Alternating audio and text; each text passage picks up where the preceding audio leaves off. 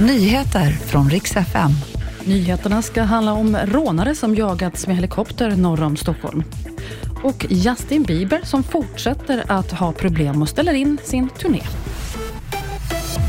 Vi ska börja i Grekland. 40 personer har nu bekräftats döda och över 100 skadade efter nattens svåra tågolycka där ett persontåg kolliderade med ett godståg.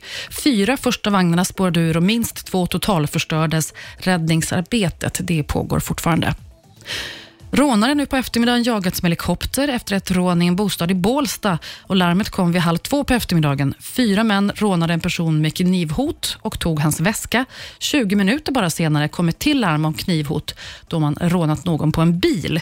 Rånarna har sedan övergett bilen efter en biljakt och flytt till fots, men nu har helikopterpolisen och hundpatruller gripit i alla fall tre av fyra rånare.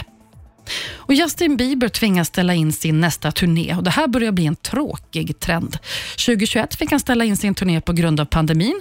2022 fick han ställa in nästa turné när han blev sjuk. Den här gången skulle han besöka både Europa, Australien och USA.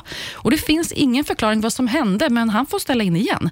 Sverigekonserten i mars den är redan inställd sedan innan, så nu är det bara för alla fans att hålla tummarna för bättre lycka nästa gång. Det var nyheterna. Jag heter Maria Granström.